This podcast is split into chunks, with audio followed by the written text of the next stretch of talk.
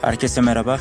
Bu mevzuya başladığım zaman aklımda müzikle alakalı, hele ki kendi müzik serüvenimle alakalı bir şeylerden bahsetme düşüncesi hiç yoktu ama son iki bölümde grafitiden falan bahsedince böyle bir de uzun zamandır kayıt alamıyor olmanın da verdiği açlıkla kaydederken en çok keyif aldığım üç albümden ve o kayıt zamanlarından bahsetmek istedim.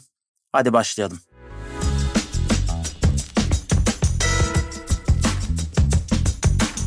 Üçüncü sırayla başlıyorum.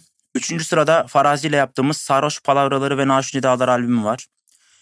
Bu albüme başladığımız zaman ben üniversiteyi bitirip eve dönmüştüm ve kısa süreli bir iş bulmuştum. Burak da yani Farazi de daha liseden yeni mezun olmuştu ve onun da ne yapacağı tam belli değildi.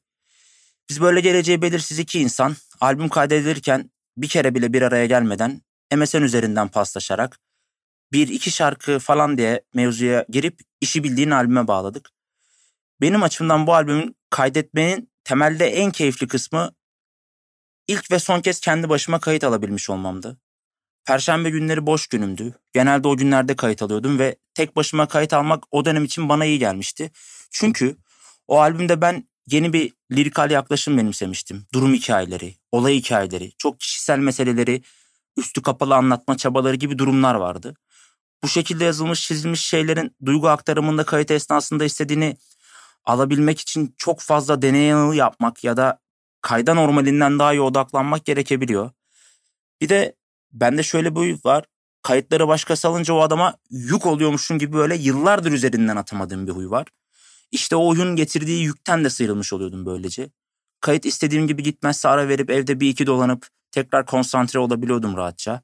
Hatta hatta bak mesela Çatımda Radyolar şarkısının kaydına bir heves başladım. Çünkü inanarak hissede hissede yazmıştım. Böyle canım yana yana yazmıştım o albümdeki Tortu şarkısı gibi. Neyse olmadı yani kayıt istediğim gibi geçmedi. Öyle denedim yok. Böyle zorladım yok.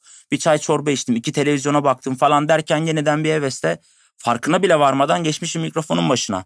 Tek olmasam, evde olmasam, zaman sorunum olsa mecburen zorlamak zorunda kalacaktım ve istediğim gibi olmayacaktı muhtemelen.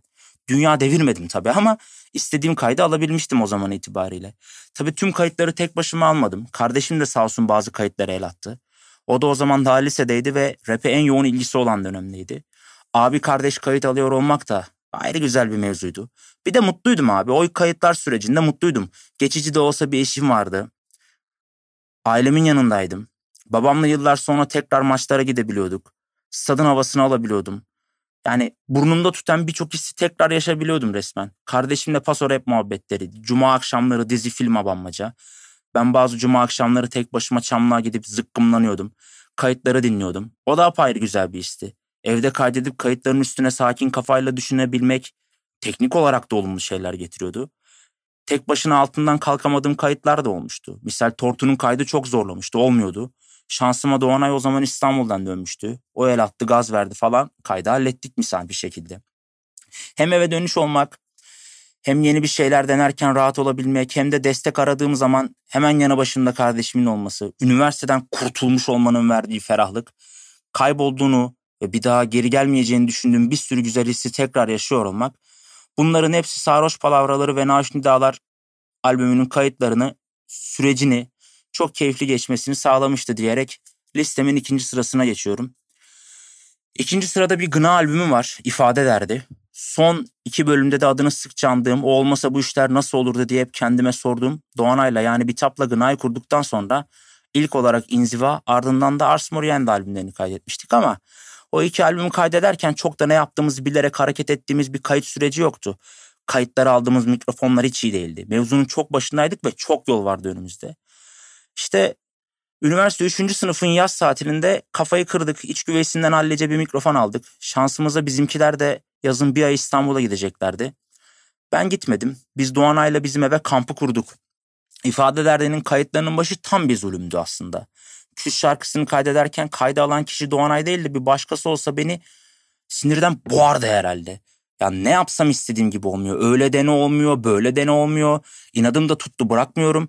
Ama olmuyor bana göre. Doğanay da tamam oldu diyor. Ben diyorum bu daha iyi olurdu falan. En sonunda pes ettim. Tamam dedim. Elde olan kaydı dinledim birkaç gün. Bir yandan da sürekli yeni şarkılar yazıyorum ama kafamda küs var. Dinledikçe beğenmiyorum. Doğanay dedim yarın sabahtan tekrar alalım bunun kaydı. Söz dedim bu sefer istediğim gibi olacak.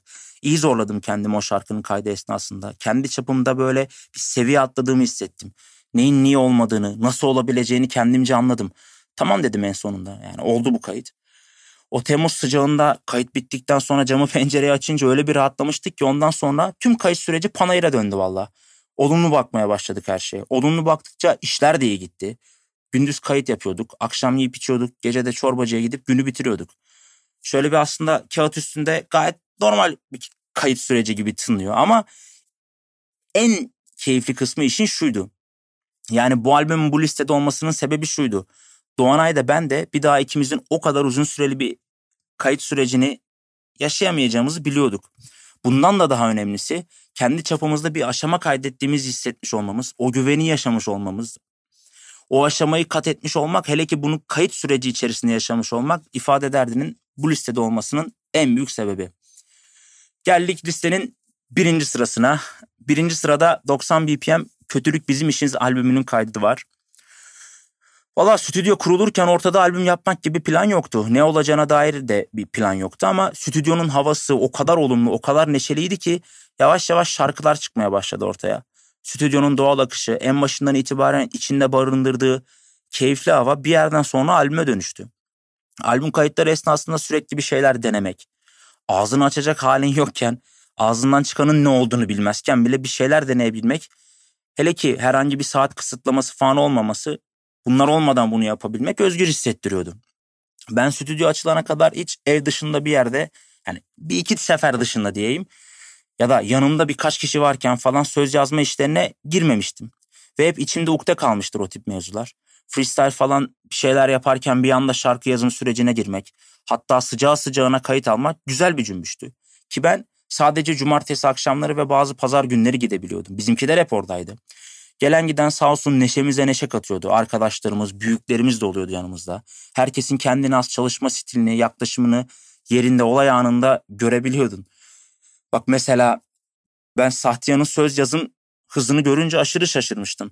Bu kadar kısa sürede nasıl bu kadar rahat yazıp kayda hazır hale gelebiliyor hala aklım almıyor yani. Neyse Sadet de tüm tantanasıyla, gelgitleriyle ve en çok da neşesiyle en güzel hatıralar arasında olacak bir süreçti. Geriye baktığım zaman bana öyle bir neşe yaşattığı için bir şeylerin içinde ukde olarak kalmasına izin vermediği için yıllarca uzaktan izlediğim bir şeyleri yaşamamı sağladığı için Kötülük Bizim İşimiz albümünün kayıt süreci gerçekten unutulmazdı. Tüm bu albümlerde ve diğer tüm albümlerimizde sağ olsunlar yalnız bırakmayıp yıllarca emek vererek desteğini esirgemeyen herkese de bu vesileyle tekrar tekrar teşekkür ediyorum. Bir sonraki bölümde tekrar görüşmek dileğiyle. Herkese iyi günler.